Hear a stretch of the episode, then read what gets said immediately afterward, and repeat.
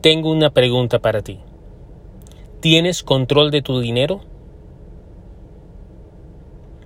Al final del día, todos queremos tener control de nuestro dinero, consciente o inconscientemente.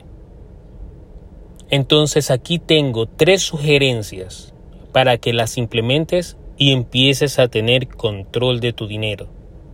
De hecho, estas tres sugerencias son totalmente básicas y me han ayudado y actualmente me siguen ayudando. La primera sugerencia es cambia tu pensamiento. Créelo o no, la forma en que tú piensas acerca del dinero es crítica para tu éxito financiero. Así que tienes que actualizar tus valores, tus creencias con respecto al dinero. Tienes que mejorar esa mentalidad y tienes que pensar y tienes que creer de que te mereces la libertad financiera, de que te mereces la paz mental que solamente la estabilidad financiera puede proveerte. La segunda sugerencia es gana un ingreso extra. Si tienes ya un trabajo y tienes un trabajo a tiempo completo es necesario de que generes más fuentes de ingresos. Hoy en día sabemos que una sola fuente de ingresos no alcanza para vivir y mucho menos para progresar.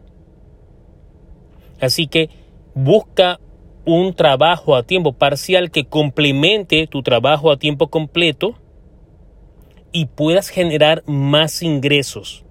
Eso te va a servir para que tú puedas despegar y puedas hacer un progreso real y consistente en tu vida financiera. Sugerencia número 3. Págate a ti primero. Esto quiere decir que antes de pagar otras cosas y antes de ceder ante otras demandas, págate a ti primero. Ponte a ti primero como alguien que tienes que pagarte. Ponte a ti primero porque tú tienes que ahora ubicar una parte de tus ingresos a un plan de inversión y a un plan de mejora financiera para ti.